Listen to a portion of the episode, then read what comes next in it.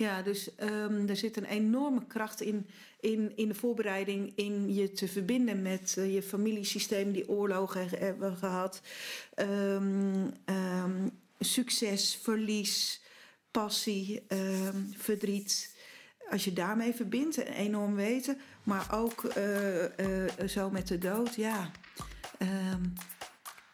en iedereen denkt dood, dood, dood, dood. En, maar dat brengt ook iets Yeah. Enorm krachtigs. Annelies Meijers is systemisch coach. Vanuit haar bureau AM Kwadraat helpt ze teams en professionals om hun doelen te bereiken. Annelies creëert waardevolle inzichten voor de teams en professionals waarmee ze werken. Keerpunten, zodat zij hun doel kunnen bereiken. Vertragen en weer vaart maken, met oog voor mens en resultaat. Op haar LinkedIn-profiel prijkt de zin bedrijfskundig richtinggever bij gedoe en complexiteit. Die complexiteit triggert me daar vind ik het interessant worden, omdat we steeds vaker in complexe situaties terechtkomen. Het leven is complex, zou je zelfs kunnen zeggen. Wat doet Annelies om hier richting in te geven en hoe helpt systemisch werken hierin? Ik heb al meerdere hele mooie en fijne gesprekken met Annelies mogen voeren via Zoom en al eh, bellend wandelend, zij in Zeeland en ik in Zuid-Holland. En nu zit ik hier bij haar thuis. Ik ben ontzettend benieuwd naar de wereld van systemisch werken. Holding space, werken volgens de seizoenen, vrouwencirkels en nog veel meer. Genoeg te bespreken, dus laten we gauw beginnen. Hey, wat fijn dat je er bent, Annelies, en wat fijn dat ik hier mag zijn. Nou, wat fijn uh, om je in het echt te zien. En uh, ja, eigenlijk is het alsof je zo vertrouwd dat we elkaar zo goed kennen al. Ja, hè? dat, ja, dat, voel ik ook uh, helemaal. Ja, en... Dus ja, dat is fijn. Dus welkom. Ja. Dankjewel. Ja. En jij, jij zei van tevoren tegen mij: Ja, ik ben eigenlijk gek op gedoe en complexiteit. Ja. Waar, waar komt dat vandaan? Je liefde voor gedoe. Ja. De meeste mensen gaan dat volgens mij uit de weg. Ja, um, nou, daar heb ik natuurlijk wel een beetje bekeken hoe dat dan zit. Want op een gegeven moment denk je van de ene baan naar de andere baan. Ik ben ooit in het bedrijfsleven begonnen als manager. En, en dan, nou, wat zijn dan een aantal jaren je rode uh, draden, uh, de rode lijnen. En um, dat was eigenlijk steeds gedoe. En ik realiseerde me dat. Um, uh, ik kom uit een familiebedrijf, dat realiseerde me niet, dat weet ik als geen ander. En er was ook vaak gedoe. Uh, uh, mijn opa eh, zat tot zijn tachtigste in de zaak, twee broers. Wij woonden boven de zaak. En ja, daar was ook gedoe. En, en ja, ik kan daar goed bij zijn. En, um, en complexiteit. Complexiteit, dat boeit mij er ook in. Ook in deze tijd, maar dat zag ik daar ook complexiteit, je wil ergens naartoe, maar ja, de tijd verandert eh, zo. Uh, zodat je uh, daarin mee moet bewegen. we hebben vaak ingewikkelde vraagstukken. Nou, dat is meer van A naar B. Ja. Uh, ik vertelde je ook, ik ben ook bedrijfskundige. Dat zijn modellen. Uh, nou, die kunnen prima met een ingewikkeld vraagstuk. Dus van A naar B. We, we leggen een weg aan. Dus ja. best heel moeilijk. Kan eindeloos duren om iedereen mee te krijgen en whatever. Een weg aanleggen. Maar het is wel van A naar B. Terwijl een complex vraagstuk. Ja, dan weet je wel wat voor effect je wil hebben. Maar hoe je daar precies komt. Ja, dan heb je, kun je bedrijfskundige aanvliegen. Maar ook door. Um, ja, naar de onderstroom, het systemisch te kijken. Yeah. Hey, wat gaaf dat je luistert naar de Creators Podcast. De podcast die je helpt om meer uit je ideeën te halen. Jij bent geweldig, dat weet ik gewoon. Maar laat jij wel genoeg van jezelf zien? Zien jouw ideeën voldoende daglicht? Ik ben jouw host, Ruben Klerks. En elke aflevering creëer ik samen met een andere gast een nieuwe bron van inspiratie om jou te helpen ook meer te creëren, meer van je ideeën te delen en meer van jezelf te laten zien. Luister lekker verder, raak geïnspireerd en dan, niet langer wachten, laat jezelf zien, maak die ideeën waar. Ja, want kan je eens uitleggen voor degenen die, die niet weten wat systemisch werken is? Uh, wat, dat, wat dat is, systemisch werken? Nou, systemisch werken is uh, dat je veel meer uitzoomt. En eigenlijk kijkt wat zijn uh, de problemen die er zijn en waar is dat het antwoord eigenlijk voor. Je denkt vaak van, oh, dit is het probleem, downloaden en, en je hebt het antwoord. Maar als je systemisch kijkt, krijg je veel meer, ja, wat voor patronen zijn er? Wat is er eerder gebeurd? Um, is er een probleem in de ordening? Is er een onbalans in geven en nemen? Dus wat is er gebeurd waardoor vandaag dit probleem ontstaat? Hmm. Dus je kijkt eigenlijk eerder naar het grotere plaatje en het probleem is een onderdeel daarvan, in plaats van ja, alleen maar op dat probleem te focussen. Ja, ik had uh, maandag misschien een leuk voorbeeld uh, uh, bij een leiderschaptraining. een man en die zei van, nou ik ben aangenomen, ik, ik moet een hele groep mensen meenemen. Er zit heel veel oude garden. En nou, ik heb een bepaalde opdracht, maar ook een, een, bepaald verlangen dat we ergens naartoe gaan. En um, ik deed daar een opstelling mee. Een opstelling is eigenlijk een soort visualisering van het probleem. En um, ik pakte het onderdeel verlangen. Ik vroeg aan iemand: wil jij dat verlangen zijn? en dat verlangen. Uh, je denkt, gut, uh, je denkt het verlangen gaat bij de medewerkers staan, bij de coördinatoren en hij als manager. En dat verlangen plakte alleen aan hem. En de medewerkers, die draaiden, die, hadden, die zeiden, ja, ik weet ook niet wat dat is hoor, dat verlangen, maar dat is echt niet uh, van ons.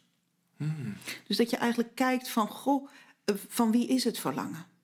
En waar is het verlangen verloren gegaan in zo'n organisatie? Dus op een andere manier kijken bij wie hoort het en uh, um, aan wie ben je loyaal of disloyaal ja. om uh, het verlangen te leven of niet. En dat zijn soms best wel diepgaande of vergaande um, systemen waar dat, waar dat uit kan komen, toch? Ik bedoel, het kan, kan best ver teruggaan. Ja. Um, als je het hebt over aan wie ben je loyaal? Heb je, heb je voorbeelden van, van waar, waar mensen aan misschien iets of iemand loyaal waren zonder dat ze dat zelf wisten? Ja, um, bijvoorbeeld bij een team, dat team, um, daar zag je dat um, de, vooral de oudere medewerkers nog lo loyaal waren aan een, uh, een oude uh, leidinggevende. Uh. die al heel lang weg was, maar die was heel erg geliefd. En die was op een vervelende manier weggegaan. En eigenlijk um, was die er nog steeds. Uh, dus um, die nieuwe leider uh, die ik in de coaching had, ja, die, die, die, zijn plek was eigenlijk niet vrij.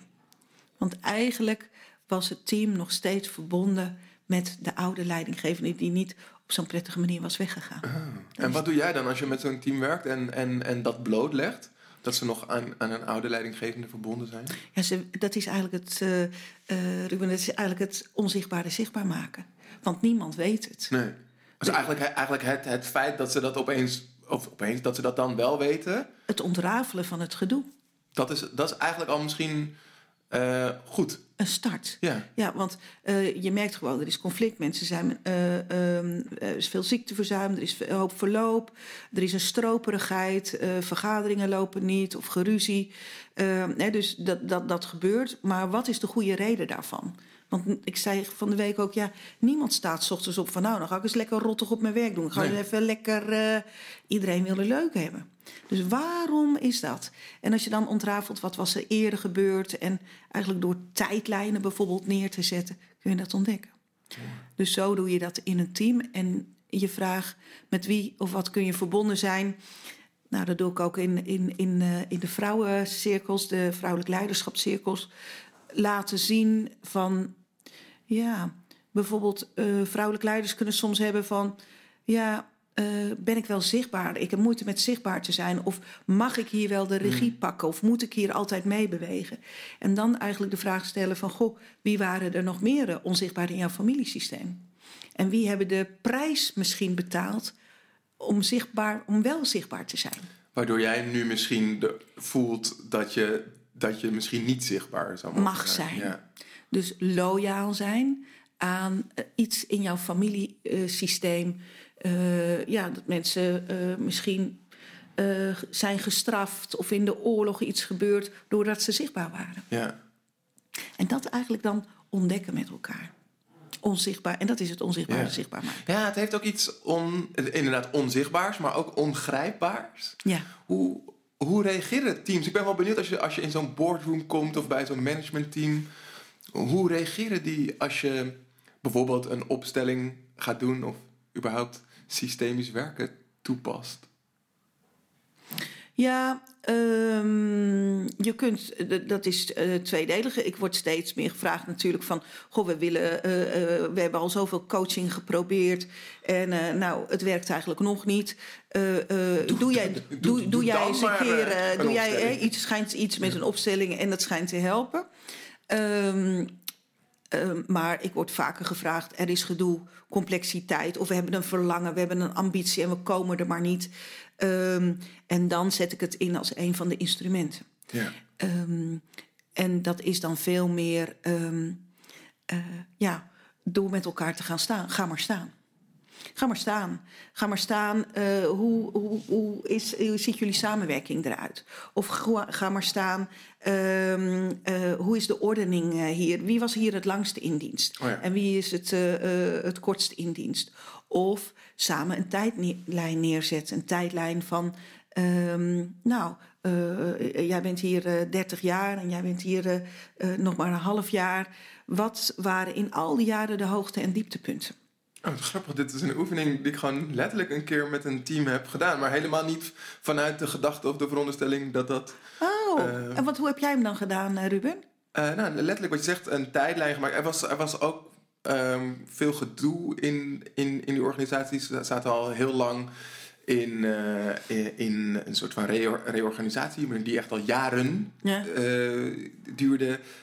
En ik ben begonnen met eerst eens uit te schrijven over de hele bestaansgeschiedenis ja? van okay, wat. Wie is er wanneer in de organisatie gekomen en wat, wat zijn hoogte- en dieptepunten geweest? Leuk belangrijke momenten. En vooral ook gekeken, en dat was denk ik toen het meest krachtig, naar um, de mensen die hier pas uh, het laatste jaar waren binnengekomen. Dat, dat die eens keken naar de mensen die al misschien 10 of 20 jaar zaten. En dan ook naar elkaar uitspreken dat zij hun baan mede ook te danken hebben. Doordat ze op de schouders staan van die mensen die, die daar al zitten. Uh, en dat de mensen die daar al heel lang zitten ook hun werk kunnen blijven doen en op die fijne plek kunnen blijven zitten, omdat er ook steeds nieuwe mensen ja. uh, binnenkomen. En, en wat bracht dat dan, uh, Ruben? Wat bracht die oefening? Kan je dat nog herinneren? Ja, nou, vooral bracht het onderliggende patronen naar boven. Want eh, ik werd binnengehaald omdat de vraag was van, uh, ja, mensen nemen, nemen niet genoeg eigen verantwoordelijkheid en het moet nu echt anders. Dus er, er, er, werd heel erg naar elkaar gewezen. En wat ik deed was dus eigenlijk die nieuwe mensen tussen aanhalingstekens en die oude mensen tussen aanhalingstekens tegenover elkaar zetten. Ja. En um, ik liet ze zeg maar hun um, dankbaarheid naar elkaar uh, uiten. En, um, en dat, dat, deden we aan, aan de hand van. Even om te beginnen is voor elkaar applaudisseren, was het dan uh, in, in, in die oefening. En, en daar ontstond ontzettend veel weerstand om. Dus dat, dat dat was in eerste instantie, dacht ik, hè, vanuit mijn um, facilitators hart, oh nee, uh, help, help uh, wat, uh, wat is hier aan de hand? Maar dat was eigenlijk precies hetgeen waarover het ging. Ja. Namelijk dat mensen niet um, genoeg waardering voelden. Ja. Maar die, die, waardering ook niet zelf konden geven. Nou, en, en toen was het ja, eigenlijk kon ik het hele programma omgooien. Uh, omdat we het daarover moesten hebben. Ja. We het hebben over van oké, maar wat is er nou aan de hand? Van, ja. Voel je je gewaardeerd en, en wat heb je nodig om, om zelf ook waardering te kunnen uiten? Ja, mooi. Ja, ja dus, dus uh, grappig. Um, dus jij vraagt aan mij, hè, hoe reageren organisaties als je systemisch werkt aan een opstelling? Maar dit is een prachtige systemische oefening. Ja. En um, dus grappig, jij doet dat dus al. Ja. Dit, dit, is een van die systemische oefeningen. Hè? Uh, uh, het, het, verbinden met elkaar en kijken van ja, wat, wat zijn hier de onderliggende patronen. Ja. En de waardering daar voor elkaar. En um, maar ook, uh, ja, ik heb hier de, de poppetjes uh, bij me. Dat doe ik ook wel eens. Ik heb hier nu houten poppetjes in een, in een koffertje. Dat pak ik uh, uit. En dan kan het ook wel een, een, een oefening zijn dat ik zeg... Gut, zet jij um, je familiesysteem eens neer. Annelies zet nu allemaal houten poppetjes op tafel. En er zijn een paar grote, grote kleine. een paar kleintjes. nou ja, je zou het ook kunnen doen. ja, ik wil het wel doen hoor. Ja, wil je het wel doen? Ja. Ehm, dus ik moet nu mijn familiesysteem Ja, jouw van herkomst. Ja. Um, Nou, ik heb mijn moeder. Ja, Ik ben door mijn moeder eh, opgevoed als eh, enig kind. ja. Eh, Ondertussen zet Ruben nu twee, een, Ja. een poppetje voor hemzelf neer en zijn moeder. Hij pakt een kleine poppetje voor hemzelf. En hij zet, eh, eh, dit ben jij hè? ja, En hij Ja. zit heel dicht bij zijn moeder. ja. En ehm, ja, je zegt van oorkomst, hè, maar ehm, mijn biologische vader ken ik pas sinds mijn 25e. Dus als ik die zou moeten neerzetten, dan zou ik hem ergens soort van achter mij neerzetten, buiten, buiten mijn zicht. Mhm.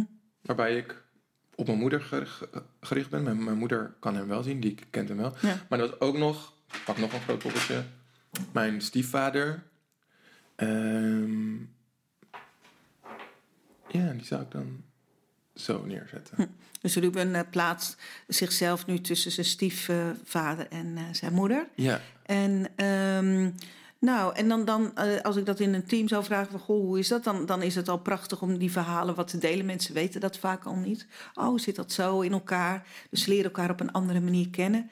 En dan eh, eh, zou ik eigenlijk vragen, Gut, in het werk wat je hebt, of hier in het team, wat voor plek neem jij vaak in, in het team? En zet dat eens neer. En je hebt nog poppetjes. Dus Ja. Ruben, hoe zou jij nou jezelf, en je hebt allerlei werk, maar als jij een gemiddelde opdrachtgever of een team eens neer zou zetten, eh, wat is dan de plek die jij dan vaak inneemt? En eh, zonder eigenlijk naar je familiesysteem te kijken, maar Ja. kijk eens even hoe je dat dan doet.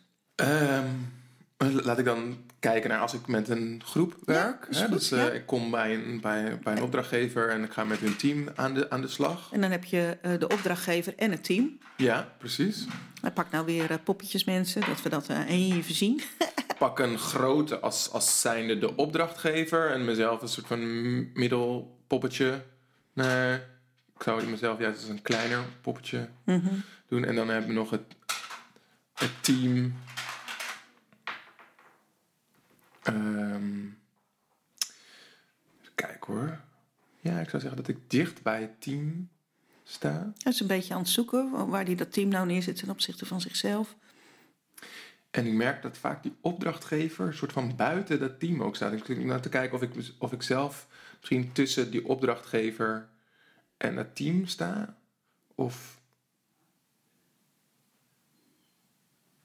Ja. ehm, ik schuif mezelf eigenlijk nog naar, nog naar buiten. Eerst, eerst zet ik het poppetje zeg maar tussen. Zet ik mezelf dus tussen het team en de opdrachtgever. Maar nu zou ik zeggen, nee, ik sta, ik sta eigenlijk iets daarbuiten. Ik sta, ik sta ernaast. Ja, ja. En dan zou ik eigenlijk vragen, eh, dit is eigenlijk een soort warming-up eh, eh, oefening met teamleden onder elkaar en te kijken van goh, en wat is nou de plek die jij inneemt in het geheel? En dan zou ik bijna vragen van goh, Ruben, en als je nu naar die twee systemen kijkt, jouw plek in jouw familiesysteem en jouw plek die je inneemt ehm, met een opdrachtgever en een team. En ik heb al een beetje een glimlach.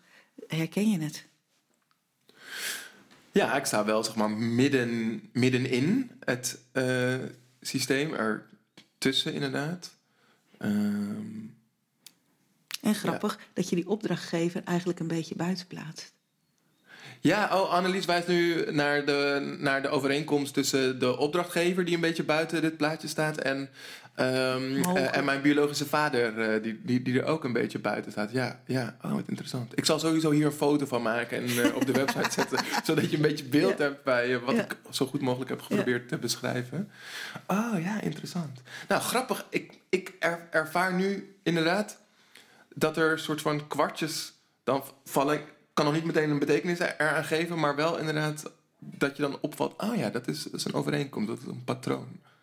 Waarbij die opdrachtgever nog wel dichter bij me staat dan, eh, eh, dan mijn vader in, dit, in, in, in, in deze opstelling. Tuurlijk, het heeft een andere verschijningsvorm. Ja. Maar wel dat je ertussen staat. En eh, ehm, nou ja, er zit een, een, een- natuurlijk een, een, een kracht in. Ja.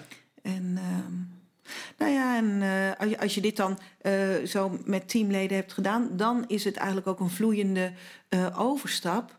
Dat je dan zegt, goh, zullen we eens even kijken nu naar het geheel? Ja. Hoe doen we dat met elkaar? En dan, dan, dan, dan denken mensen, oh ja, dat is toch wel apart of ja, dat is wel interessant. En dat we dan kijken, goh, zullen we naar jullie vraagstuk, jullie gedoe kijken of wat dan ook. Want waar staat jullie gedoe in het geheel? Dus dit is eigenlijk een soort eerst van ik je eigen patronen naar het wij. Want als teamcoach werk je natuurlijk op het niveau van wij.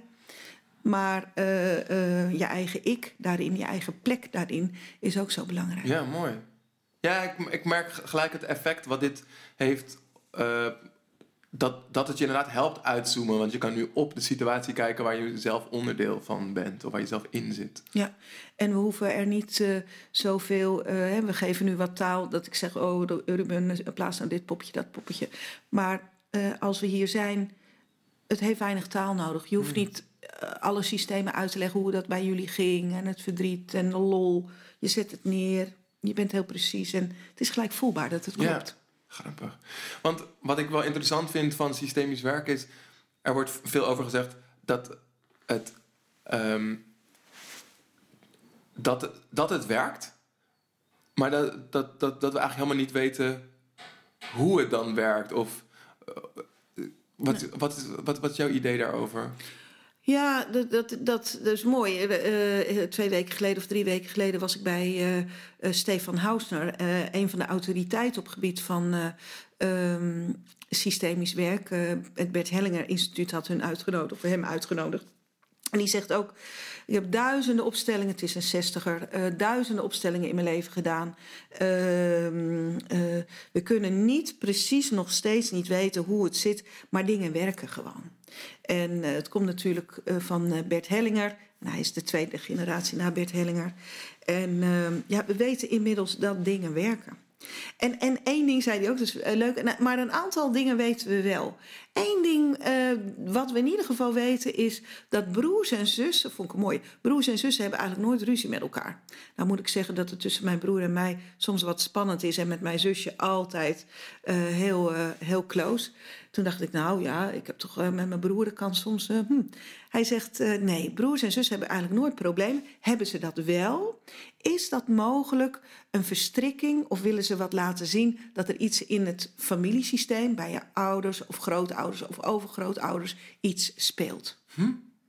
En toen dacht ik, hmm, speciaal. Ja. En ehm, toen dacht ik ook weer, oh ja, eh, eh, mijn moeder met haar zus is ook altijd spannend. En mijn moeder vertelde dat haar vader met zijn zus ook altijd problemen had.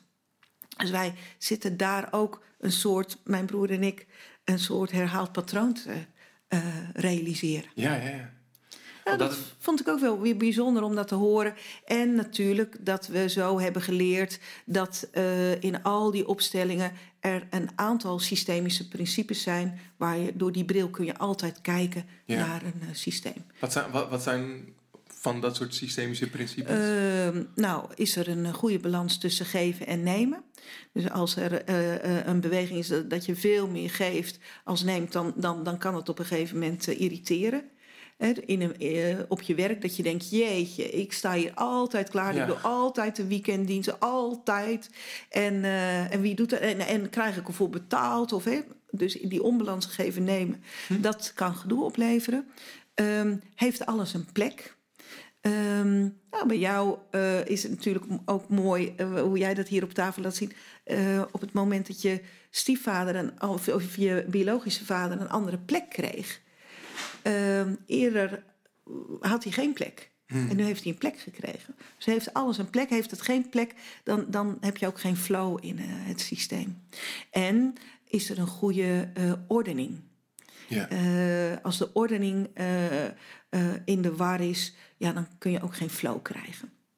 En dat kan zijn dat ehm, je bijvoorbeeld vroeger ehm, door ouders bent gevraagd. Ouders zijn druk op de boerderij of in, met het bedrijf. En dat ze aan een van de oudste kinderen eh, heeft gevraagd: joh, wil jij voor de andere kinderen zorgen, boterham klaar is en eh, dat ze naar de gym gaan of wat Dus dan ook. eigenlijk in de rol van ouder eh, gezet. Precies.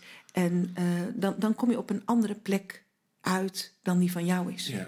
En dat heeft dan ook effecten op hoe je met het werk omgaat. Eh, eh, nou, die patronen kunnen zich doorzetten. Ja. Dus dat is het derde patroon.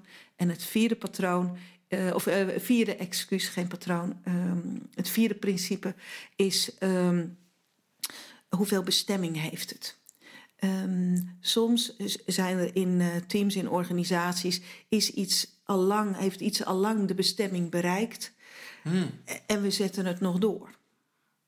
Grappig. We hadden het net over bepaald werk wat wij kunnen hebben, jij en ik ook. Ja. En dat, dan op een gegeven moment loopt dat niet meer. Er komen geen klanten of uh, uh, er zit geen stroom op. En je denkt, nou, nog eens uh, in de wereld zetten. En dan komen toch geen klanten op af. Dus eigenlijk is de bestemming al bereikt. Het is klaar. Oh, wat goed. En dan zet je het toch nog door. Ja. En dat je denkt, ja, nog een marketingcampagne... of we moeten het sales team erop zetten of wat dan ook. Terwijl eigenlijk de bestemming is bereikt. Ja. En dan jutteren we nog door. Ook in organisaties, dat we mensen op de bank laten. En die zetten we op de bank. Maar dat werk is er eigenlijk niet meer. Ah, ja. Dus het zijn vanuit die vier brillen...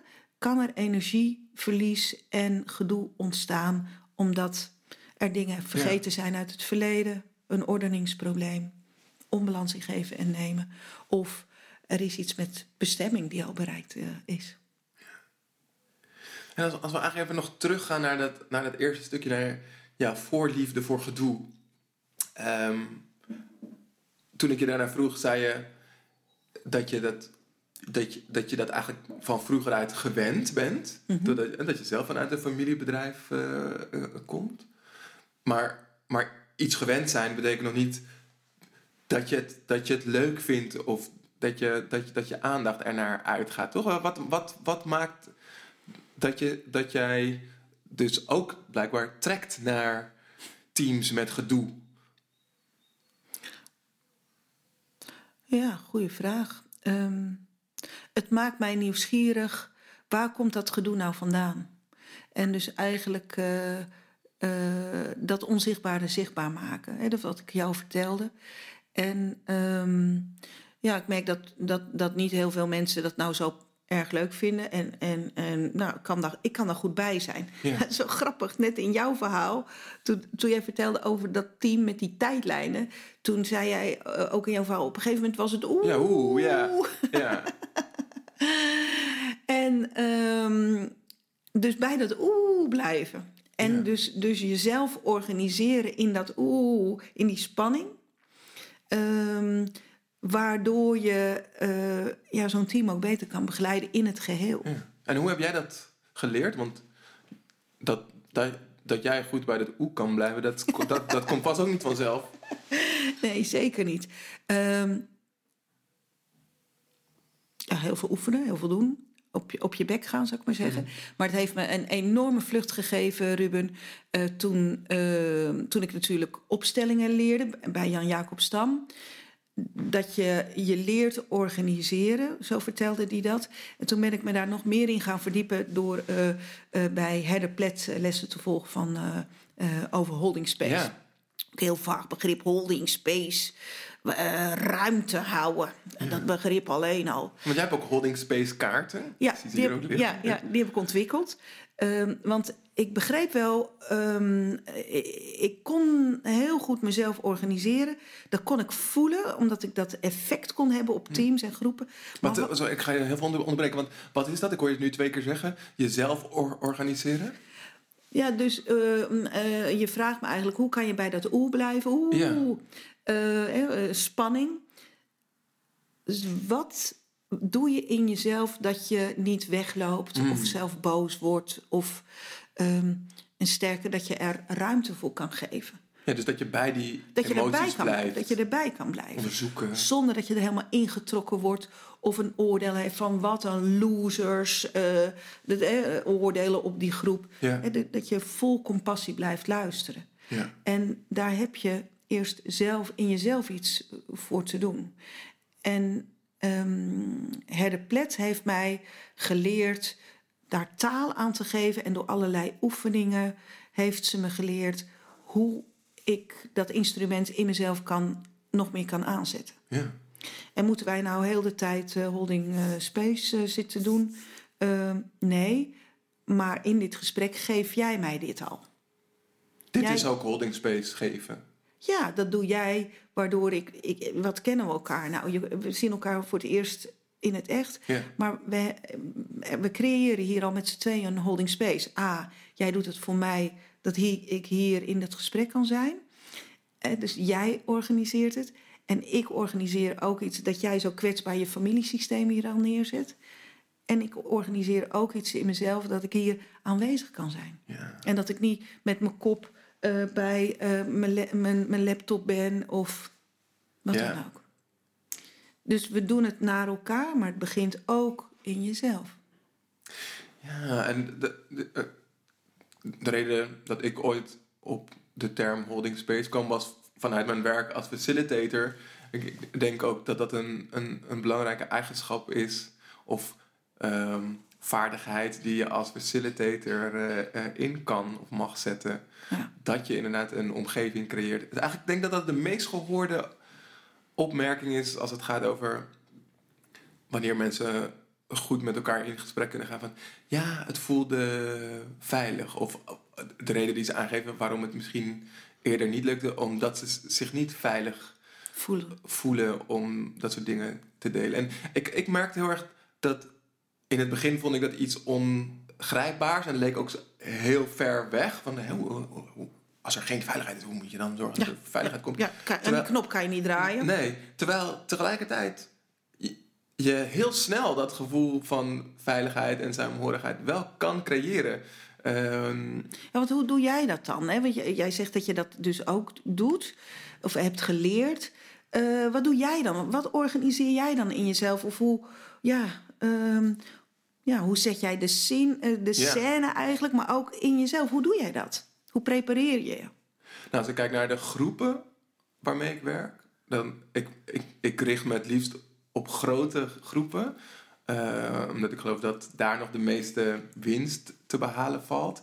Dan is, dan, ik ga eigenlijk kijken naar wat voor interactiepatronen eh, zijn er die in de weg staan dat mensen vrij uit kunnen praten. En dat, dat is heel vaak zie ik dan dat eh, er zijn maar een paar mensen die in een groep het gesprek domineren eh, of richting geven.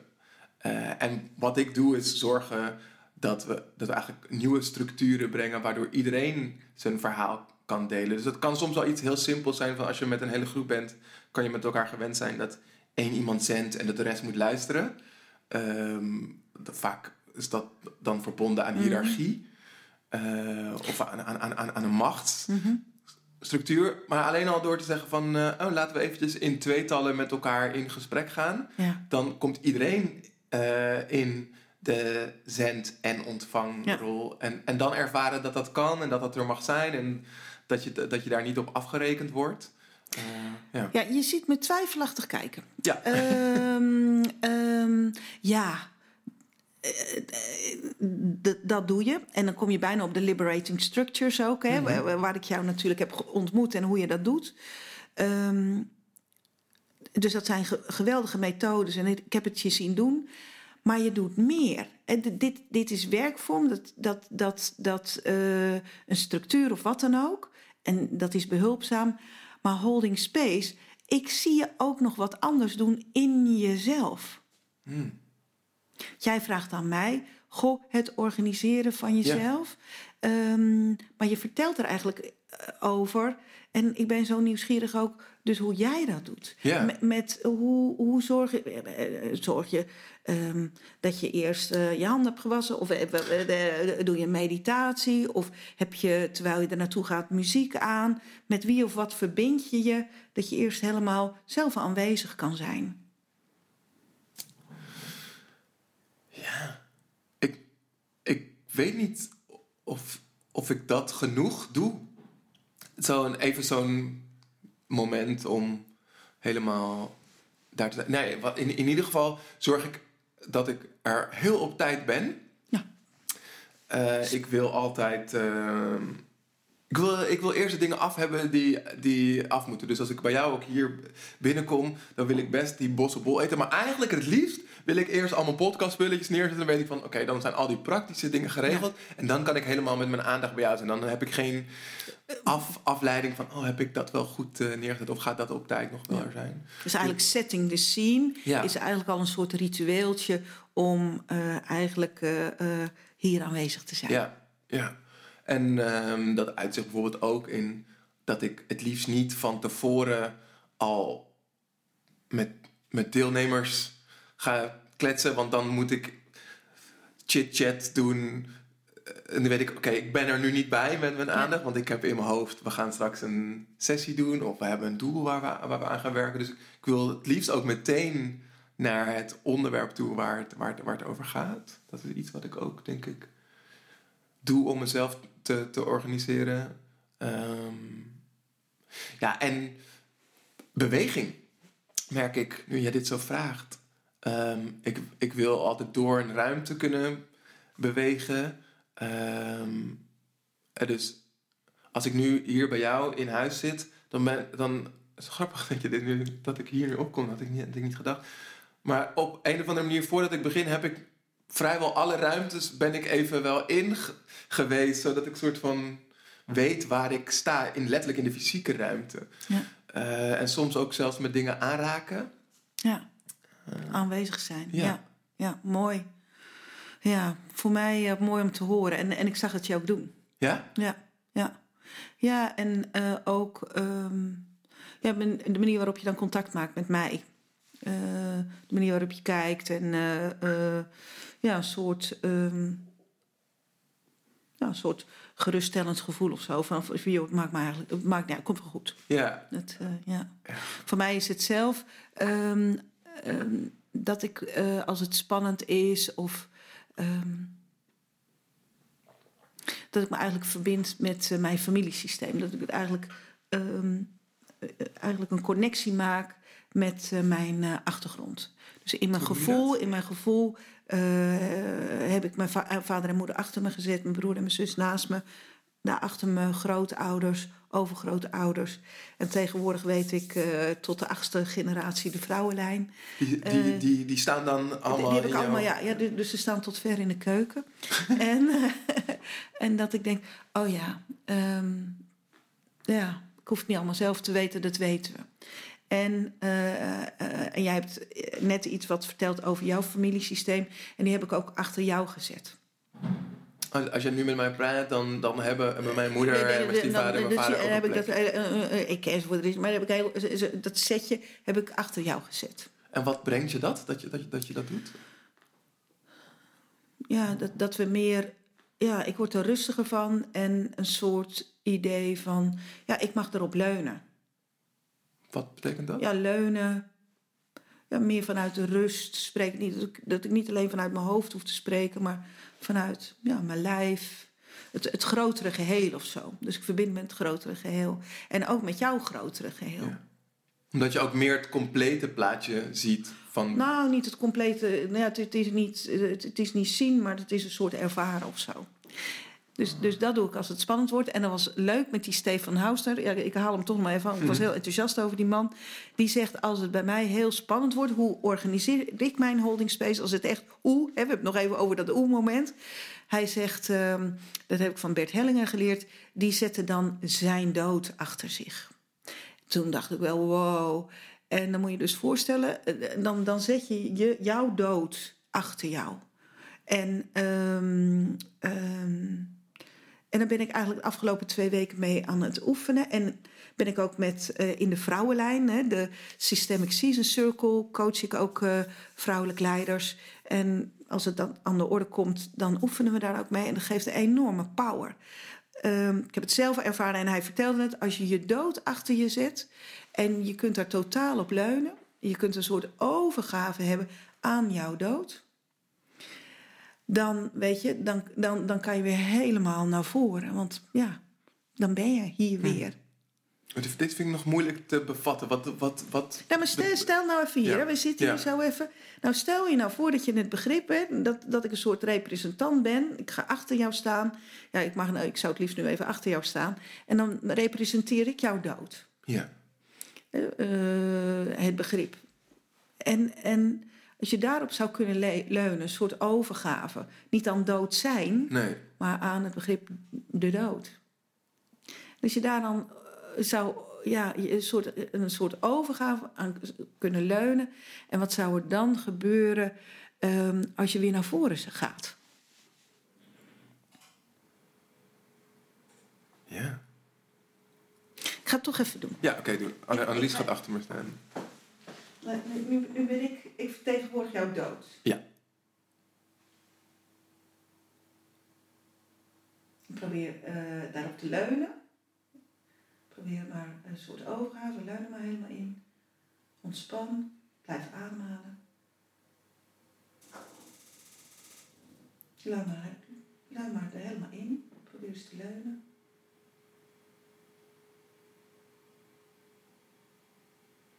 En dan, zou er gebeuren als je nu in dat moment met dat team dat weer voor je zou zien?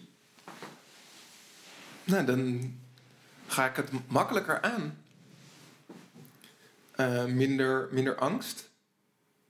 Angst om eh, eh, niet goed bevonden te worden als facilitator. Ja. Wat kan je gebeuren? Ja, precies. Ja, want bedoel, ja, precies. Wat kan je gebeuren? Ja, dus ehm, er zit een enorme kracht in, in, in de voorbereiding, in je te verbinden met eh, je familiesysteem die oorlogen hebben gehad. Ehm, ehm, succes, verlies, passie, verdriet. Als je daarmee verbindt, een enorm weten, maar ook eh, eh, zo met de dood, ja. En iedereen denkt dood, dood, dood, dood. En, uh, maar dat brengt ook iets enorm krachtigs. Ja. Ik vind, het wel, ik vind het wel leuk. Ik merk, volgens mij verbeterde jij mij net toen ik, toen ik vroeg van hoe je dat dan weet. Zei, nee, ervaren. Maar wat, wat, is het, wat is het verschil tussen weten, voelen, ervaren? Ehm, ja, wat, wat, voor, wat voor verschillen zie je daarin tussen, tussen iets weten en iets voelen? Nou ja, eh, eh, weten, hè, dat, dat, dat, dat zit theoretisch meer in je hoofd natuurlijk. Dat zit meer in je hoofd, dus het zit meer in je hoofd. Dus, eh, en en het is natuurlijk hoofd, hart en eigenlijk je wil. Oh, en eigenlijk theorie U, dat ken je natuurlijk Ja, ook, ja. van Otto Otto Scharmer. Scharmer, ja. Otto Scharmer, open, open mind, open hart, open wil. En dus, eh, Bij de, bij de wil wijs je naar je, je buik. buik. Ja. En, ehm, en aan de andere kant weten, soms is er ook een diep weten. ja. En een diep weten, dat is voor mij dus niet zozeer in het hoofd, maar ja, dat slingert ergens in mijn lijf. Een diep weten dat je denkt, wow, hé, maar dit is waar. Ja. Dus het komt meer vanuit je hart. Dat je denkt, ja, dit klopt. Ik, ik kan het niet snappen, Nee. ik kan het niet pakken. Het is onzichtbaar, maar het is wel waar. Ja, ik denk als je dit zo zegt, dat dat ook misschien hetgeen is waar ik naar op zoek ben in mijn werk. En wat veelal draait om met elkaar praten. Dat als mensen alleen maar met elkaar praten, dat het toch vaak eigenlijk aan die oppervlakte blijft, aan die weetkant. Dus in het hoofd van mensen. En dat we het echt nodig hebben om inderdaad meer af te dalen. Ehm, en in ieder geval al een betekenisvol gesprek te voeren, want daarmee raak je al dat hart. Ja. Eh, maar misschien nog wel nog dieper gaan naar het ervaren en dus de wil, zeg je Ja. dus eigenlijk nog. Nou ja, en daar heb je dus de holding space voor te creëren, dat die ander ook kan zakken. Dat hij daar naartoe kan. Naar een, dat diep, hè, eigenlijk in die u zakken, naar dat diep weten, dat present zijn, onder Ja. in die u. En dat is natuurlijk ook zo grappig, ehm, hè, want je hebt het verteld over eh, op LinkedIn. Dus ik eh, eh, ehm, ik vind het toch leuk om, om te benoemen, omdat ik dat zo, ook zo geweldig vind. Dat je, je gaat met je gezin naar Zweden en je bent daar geweest, hè, een paar Ja. weken heb je gekeken. En als je in je hoofd het gaat weten van, eh, ja, is dat nou handig, verstandig? Nou, dan ga je dat allemaal plussen en minnen. Maar je kwam hier binnen en dan vertel je erover. En dan hoor ik gewoon een diep weten van, ja, dan moeten we gewoon zijn. Ja. En dan kan ik honderdduizend vragen, goh, maar oh, dit en maar dat. Heb je daar wel aan gedacht? Ja, eh, zeker? en de Ja. risico's. En, eh, dat klopt ook allemaal. Maar, nou, dat weet je volgens mij Ja. allemaal niet. Maar er is één diep weten, daar moet je gewoon zijn met je gezin. Ja, ja dat is ik, eigenlijk de meest gehoorde reactie nadat wij zo op LinkedIn zetten inderdaad eh, dat we ervoor gaan en dat we deze zomer eh, naar eh, Zweden willen verhuizen. Was van, oh wat dapper en jullie, jullie gaan het gewoon doen. En diezelfde reactie heb ik veel vaker gehad in mijn leven. Bijvoorbeeld toen ik op de middelbare school bedacht. Ik ga stoppen met school en ik ga werken in een boerendorpje in plaats van van Amsterdam naar Ba- Balkbrug. Dat toen zeiden mensen niet wat dapper, maar, eh, maar wel eenzelfde soort reactie van: hé, maar ehm, hoe kom je dan tot die keuze? En ook later, toen ik een hele toffe baan had en, en bedacht eh, dat ik voor mezelf wilde gaan beginnen, zeiden mensen ook: oh, oh, wat dapper en eh, je, gaat het, je gaat het gewoon doen. Maar eigenlijk, als ik erop terugkijk, zijn het allemaal mom- momenten waarop ik gewoon van diep van binnen voelde, wist dit, dit is de enige volgende logische stap die ik kan en mag en wil zetten. Dus er is eigenlijk helemaal niet eens een vraag of ik het zou moeten doen. Nee. Eh, het, het is de enige logische volgende stap. Ja, en dan eh, gaan we het niet over hebben, maar dan, dan, dan, als je dan weer systemisch kijkt, dan zou het bijna zijn van: Goh, als, dat, als jij dat dus zo makkelijk in je leven doet, hè, dus breken en wat anders, Mhm, hè, eh, ja. of dapper zijn of wat dan ook, eh, echt keerpunten. Ehm, met wie of wat ben je verbonden dan zo in je familiesysteem, dat dat zo logisch voor je is? Ja. Wie waren er nog meer, wie deden dat nog meer? En ik heb je dat genogram laten zien.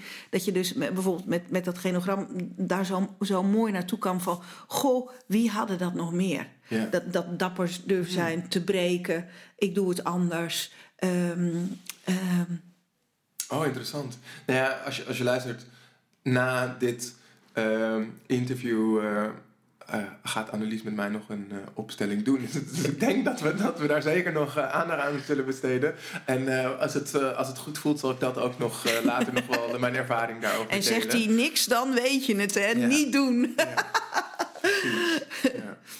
ja wauw. Ehm, ja, dus ja, geweldig. Ik denk dat, dat ik hier nog heel lang over door kan. Maar er was ook nog iets, iets, iets anders wat me, wat me opviel in jouw werk eh, en jouw posts die, Mhm. je, die je ook eh, deelt. Eh, dat was namelijk je enthousiasme over het werken volgens de seizoenen. En dan met name het werk van Jaap Voigt. Ja. Ehm, kan, je, eens- kan je eens uitleggen wat het, wat het inhoudt, werken met de seizoenen? Werk met seizoen. Nou, ik ben er enthousiast over geworden eh, door ehm, eh, natuurlijk die lockdown-tijd. Eh, ik vertelde je toen, in die tijd ben ik, de zaterdag voordat de eerste lockdown was, verhuisden wij naar Zeeland. Waar wij, mijn man en ik vandaan komen. De zaterdag voor die lockdown. Ja, ja, en zondag ging alles dicht. En je denkt, hoe dan? Lekker, en, lekker en, ja, in ja, de was de eerste. Ja, ja, en, ehm, ehm, maar ik, ik ben Zeeuwse, en, maar ik kende daar niemand. En dus, dus ik liep elke dag naar de Oosterschelde. Elke dag weer. Eh, prachtig, die Oosterschelde. En, ehm, en dan zie je natuurlijk ook wat eh, de, de natuur doet. Die zie je veranderen. En ook op het land, hoe, eh, hoe de, de boeren met dat land omgaan. Die Zeeuwse klei. En dan nou, wat, wat ze zaaien. En nou ja, nou, dus ik dacht, goh, ja, dat, nou, dat zag ik dan elke dag. En, ehm, en ook van, eh, soms was ik natuurlijk ook hopeloos in die lockdown-tijd. Hoe moet dat nou? En, en nu kan ik dat met die dreigende oorlog of die oorlog die er is ook zo hebben. En dat ik dan toch, eh, ik haalde daar, als je nou over holding space hebt, een enorme holding space uit. Ehm, een soort kracht van. En de seizoenen gaan ook door. Het Ja. water gaat ook door. Dus eh, dat gaf me een enorm.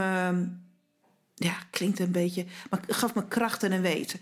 Dus toen, eh, jaren geleden, had ik van iemand het boek eh, ehm, Leven en Werken van de Ritme van de Seizoenen van Jaap Voigt eh, gehad. Dus die had ik er weer eens bijgepakt. En die, toen ben ik die lessen gaan volgen. En ik volg nu ook supervisie bij Jaap. En ja, die vertelt zo mooi wat je in elk seizoen moet doen. En dat je heel erg naar buiten kunt kijken. En dat je soms ook. ehm, dan wil je wel wat, maar dat gaat gewoon niet.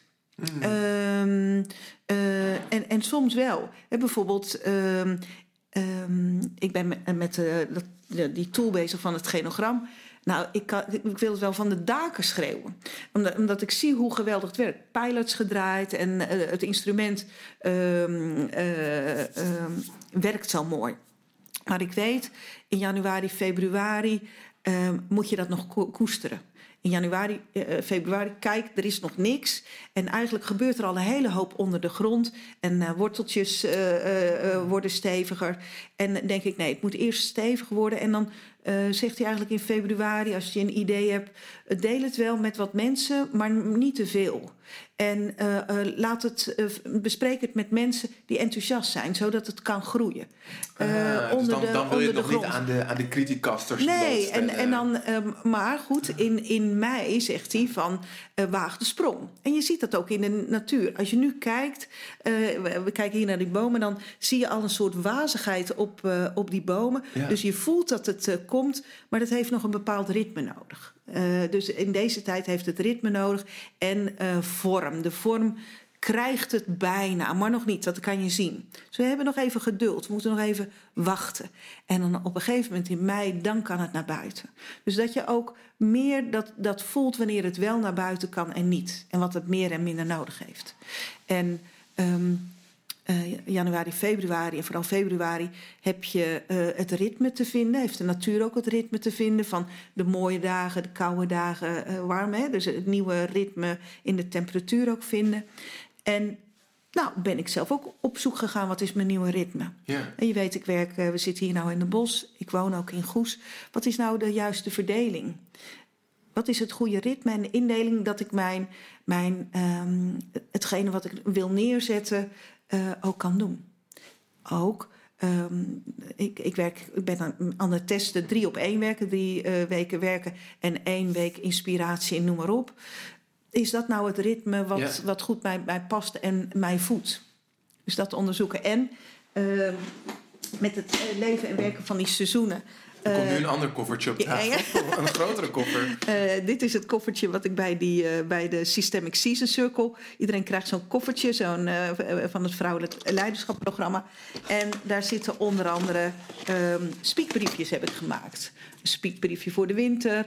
Een speakbriefje voor de herfst, zomer. Het speakbriefje voor de lente komt eraan. En daar zijn eigenlijk de vragen die zo in de winter van toepassing zijn. Dus...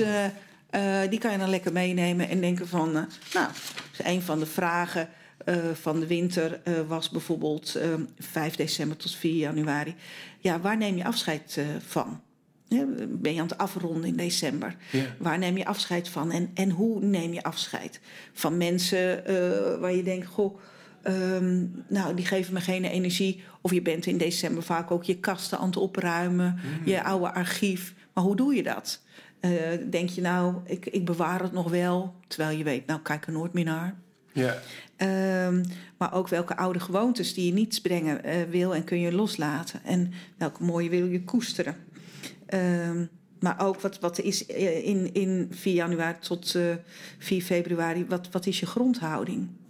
Wat, wat, wat, hoe verhoud jij je tot leegte en stilte in januari, februari? Denk je nou, het is allemaal maar donker en saai weer? Of dat je denkt, oh, ik kan het wel accepteren. Ja. Nou, goed. Welke, welke vragen heb je nu, uh, want het is nu bij ons half maart. Uh, heb, je, heb je in je speakbriefje staan voor nu, voor deze periode? Nou, die, die komt er aan. Um, dat uh, voor deze periode is het nog. Ik ben nog wel met het ritme bezig. Maar ook um, wat um, krijgt al een beetje vorm. Dus wat krijgt er al uh, vorm uh, in mijn werk? En uh, zou ik nog meer uit uh, kunnen bouwen? En wie kan ik daarbij uh, vragen? Wie, Ja. kan ik hulp vragen? Of, um, ja, dus wat zijn eerste sprankelingjes? Hè? Je, je, je ziet sommige narcissen komen al, hè? die zijn er al.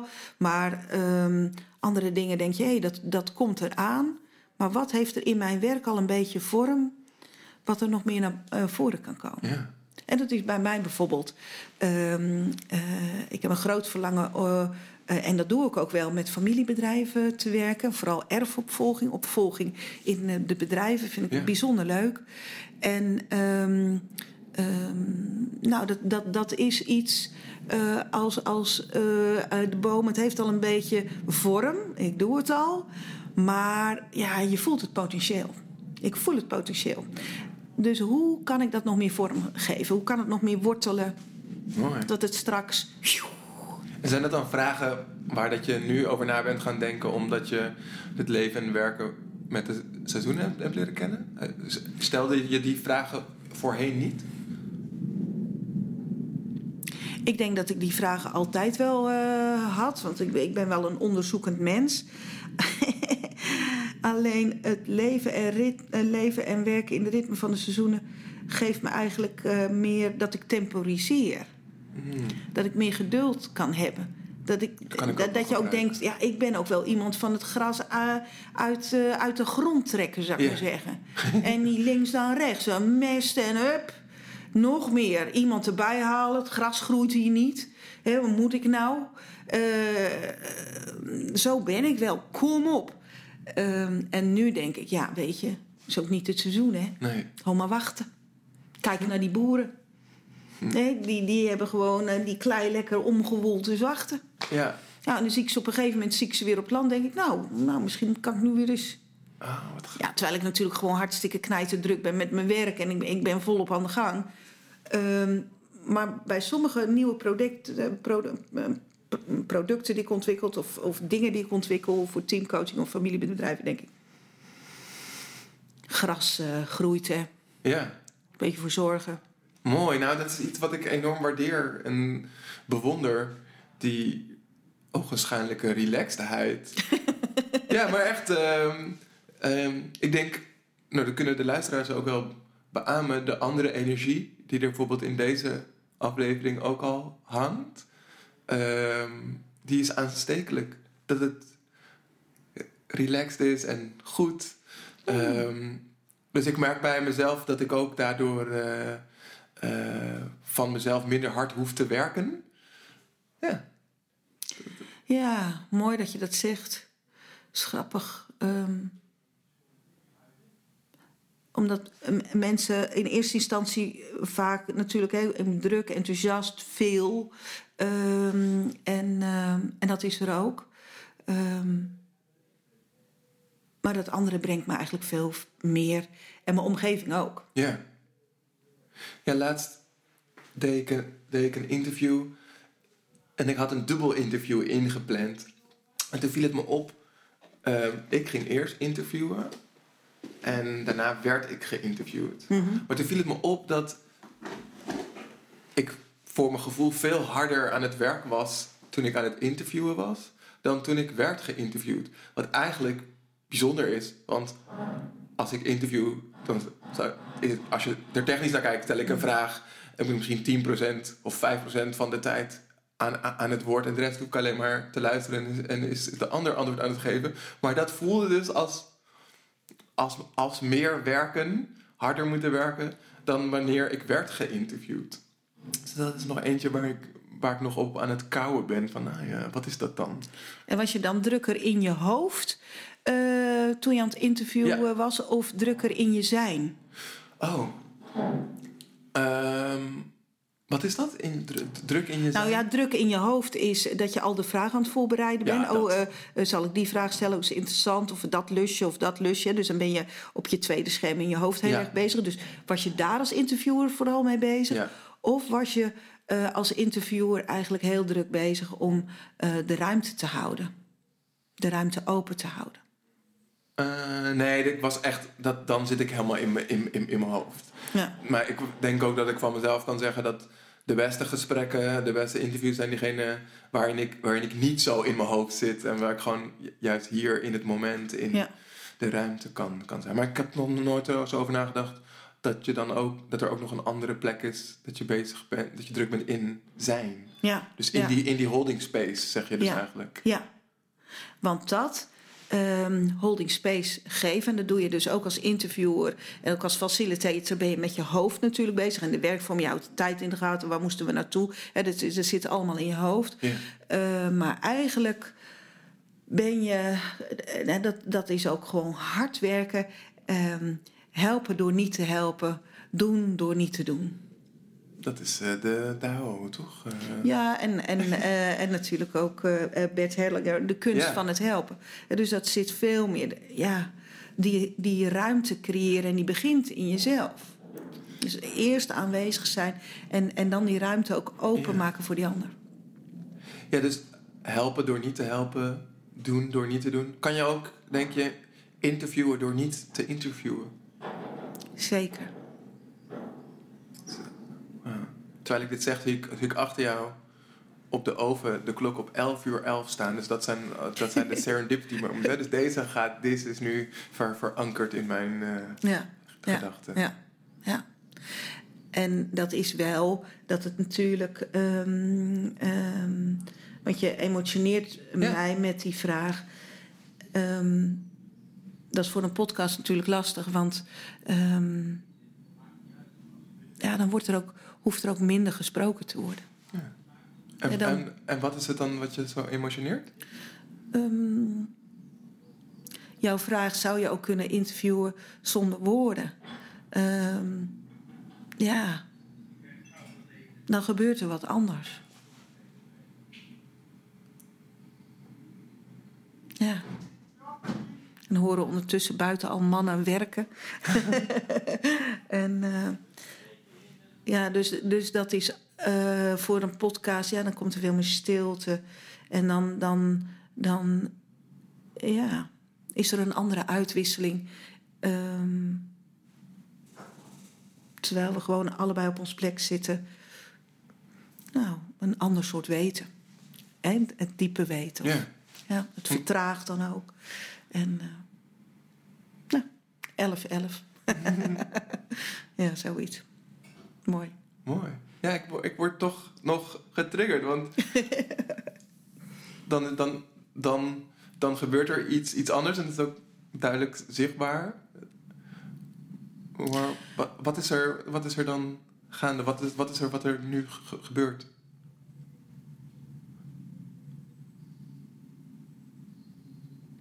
Ja, ik denk dat je dan, uh, um, dat je dan uh, met elkaar um, veel meer naar het gebied van het magische gesprek gaat.